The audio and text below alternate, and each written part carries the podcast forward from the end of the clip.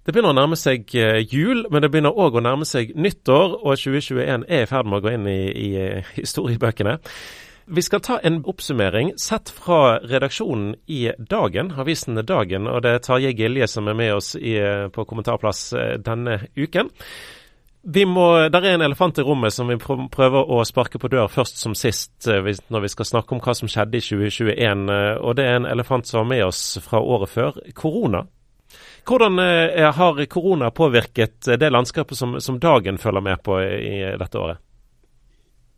Jeg tror det var i, i Lyngdal frikirke i ja, januar eller februar, altså i vinter. og Det var første stedet jeg hørte eh, ganske unge mennesker snakke om at de var så trøtte av digitale gudstjenester at de tok heller en pause fra menigheten frem til man kunne møtes igjen. Så, så var jeg i Trondheim. Vi fikk jo lov å reise litt, selv om siden vi er journalister, selv om man ikke skal reise så mye og snakket med studentpastoren i Salem Nordmisjonsmenigheten der. Og det samme for studentene som satt på Zoom-forelesninger gjennom dagene. Det var helt uaktuelt for de å drive med Zoom-samlinger, altså med digitale samlinger i menighetsregi òg. Det var ikke snakk om de fikk kvalmefornemmelser. Sånn at da ble det pause. Eh, det, er en, det, er en, stor ting, egentlig. da, At man i, i flere måneder kanskje var nærmest utenom det organiserte kristne fellesskapet. Men så, og da, da, er det store spørsmålet, hva skjer? Altså, Vaner endrer seg jo over tid. Det kommer til en ny normal. tror jeg. Det, det må jeg være rimelig sikre på. Vi skal vel ikke bli for pessimistiske. Eh, jeg tror at for mange sin del så, så er ikke forskjell så stor. Når kirkene åpner igjen, så vil man svært gjerne komme tilbake igjen. Men, men eh, det er jo nok av, nok av, mennesker som opplever tidsklemme på ulike nivå. Og der, der, det å faktisk se at ja, men jeg kan høre en podkast i løpet av uken, eller kanskje lese en andakt i en avis eller en bok, så får nå det være. da. Heller slappe av med familien på, på søndagen. Eh, at det vil være flere som gjør det. det og Hvis du tenker lokalt og i en forsamling der det kanskje ikke er altfor mange pianister, altfor mange sangere, møteledere, predikanter, hva det er for noe, eh, så kan det være at den, den endringen der gjør det vanskeligere å opprettholde den samme driften som man har hatt før. Men da blir jo spørsmålet på en måte hva, hvor viktig er dette? Hvor viktig er gudstjenestene for oss? Hvis det bare er et kulturarrangement på linje med en konsert eller en uh, sangforestilling eller hva det måtte være, så, så kan man jo klare seg, eh, kanskje uten. Uh, I hvert fall i en viss grad. Men hvis man ser på dette som noe av selve pulsen i livet, så, så er det kanskje en utfordring for, for kirkene sjøl å klare å demonstrere det for både medlemmer og oss interesserte, at dette er faktisk noe mer enn et alminnelig kulturarrangement. Det var eh, nok om, om korona i, i, denne omgang. Men en annen sak som har tatt masse plass, både i eh, spalteplass og uh, nettplass hos Dagen i det siste året, det er ulike vinklinger inn mot uro i Misjonssambandet. Hva er det som har, har skjedd der i løpet av 2021?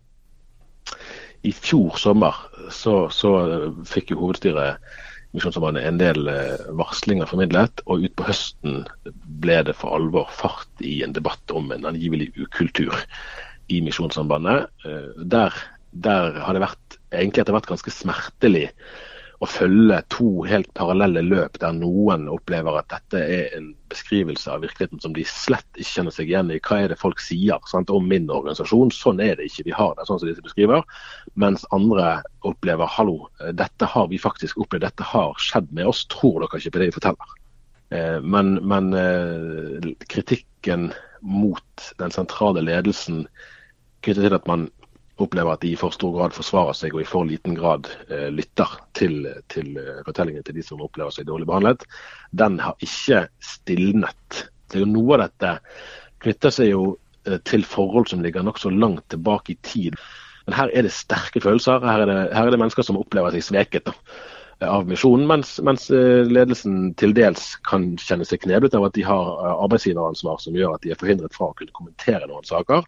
Noen ganger har de kanskje en annen eh, virkelighetsopplevelse. Noen ganger mener de at ja, men vi har prøvd å komme disse menneskene i møte. Hva skal vi egentlig gjøre? Altså, det er en litt sånn ulykkelig situasjon for begge parter, tror jeg. der. Ja, har det vært noe bevegelse i dette bildet i løpet av året, eller uh, står debatten i grunnen på, på stedet hvil der, uh, med de ulike sidene som har sine uh, respektive synspunkter? Jeg har inntrykk av at det er mest det siste, altså at posisjonene er blitt sementert. Men det er jo ikke flertallet som som har sånne opplevelser direkte. Og dermed kan det være vanskelig å få etablert en felles forståelse. Ehm, så hva som nå skjer eh, frem mot, mot generalforsamlingen, det, det, kan jo tenkes at, at, uroen når et nivå at, at, det får konkrete følger i form av, av hvilke valg man gjør og hvilke debatter som, som, og vedtak som blir fattet. Men det, det, tror jeg det er for tidlig, i hvert fall for meg, å, å si så mye om ennå. Der var vi altså innom Misjonssambandet og dermed òg lavkirkeligheten. Hvis vi går til Den norske kirke. Eh, det har i løpet av året selvfølgelig vært kirkemøte bl.a. Men i Den norske kirke så har jo kanskje debatten eh, når det gjelder eh, konservativ versus liberal, kanskje stått mer på kvinnepressspørsmålet og hvordan en skal håndtere det framover? Det der kom som en stor overraskelse. For, og kanskje, kanskje litt sånn til overraskelse for de som som er biskoper nå, eller som er prester på samme alder som biskopene, altså type i 60-årene, som har vært trygge på at ok, vi har funnet en slags ordning der, der de som er, er konservative, de, de, de, lager sånne kjøreregler som løser de praktiske utfordringene uten at de trenger å gjøre så ja, De skal få et visst rom til å stå på det de står for. Eh, men de er jo da eh, i den eldre garde, gjerne. sånn at det problemet vil at de vil bli pensjonister og problemet løser seg sjøl. Men så kommer det altså en ung generasjon Eh, som, eh, som eh, har lignende standpunkter. Og Da fikk jo da bispemøtet behov for å etablere nye, tydeligere regler, som da gjør at, at rommet for disse prestene er blitt mindre. Og det, det, er jo de veldig skuffet over. Men, men plutselig den saken kom på dagsordenen. Og det kommer jo òg i Innovasjonsforbundet eh, nå i år. De hadde jo laget noen videoer der de prøvde å, å tydeliggjøre sitt syn. og Det var jo egentlig ganske interessant å merke seg at, at de offisielt nå sier at dette ikke lenger eh, er et testspørsmål på konservativ eller liberal teologi. For det har det jo virkelig vært uttalt som at det var inntil eh, nylig.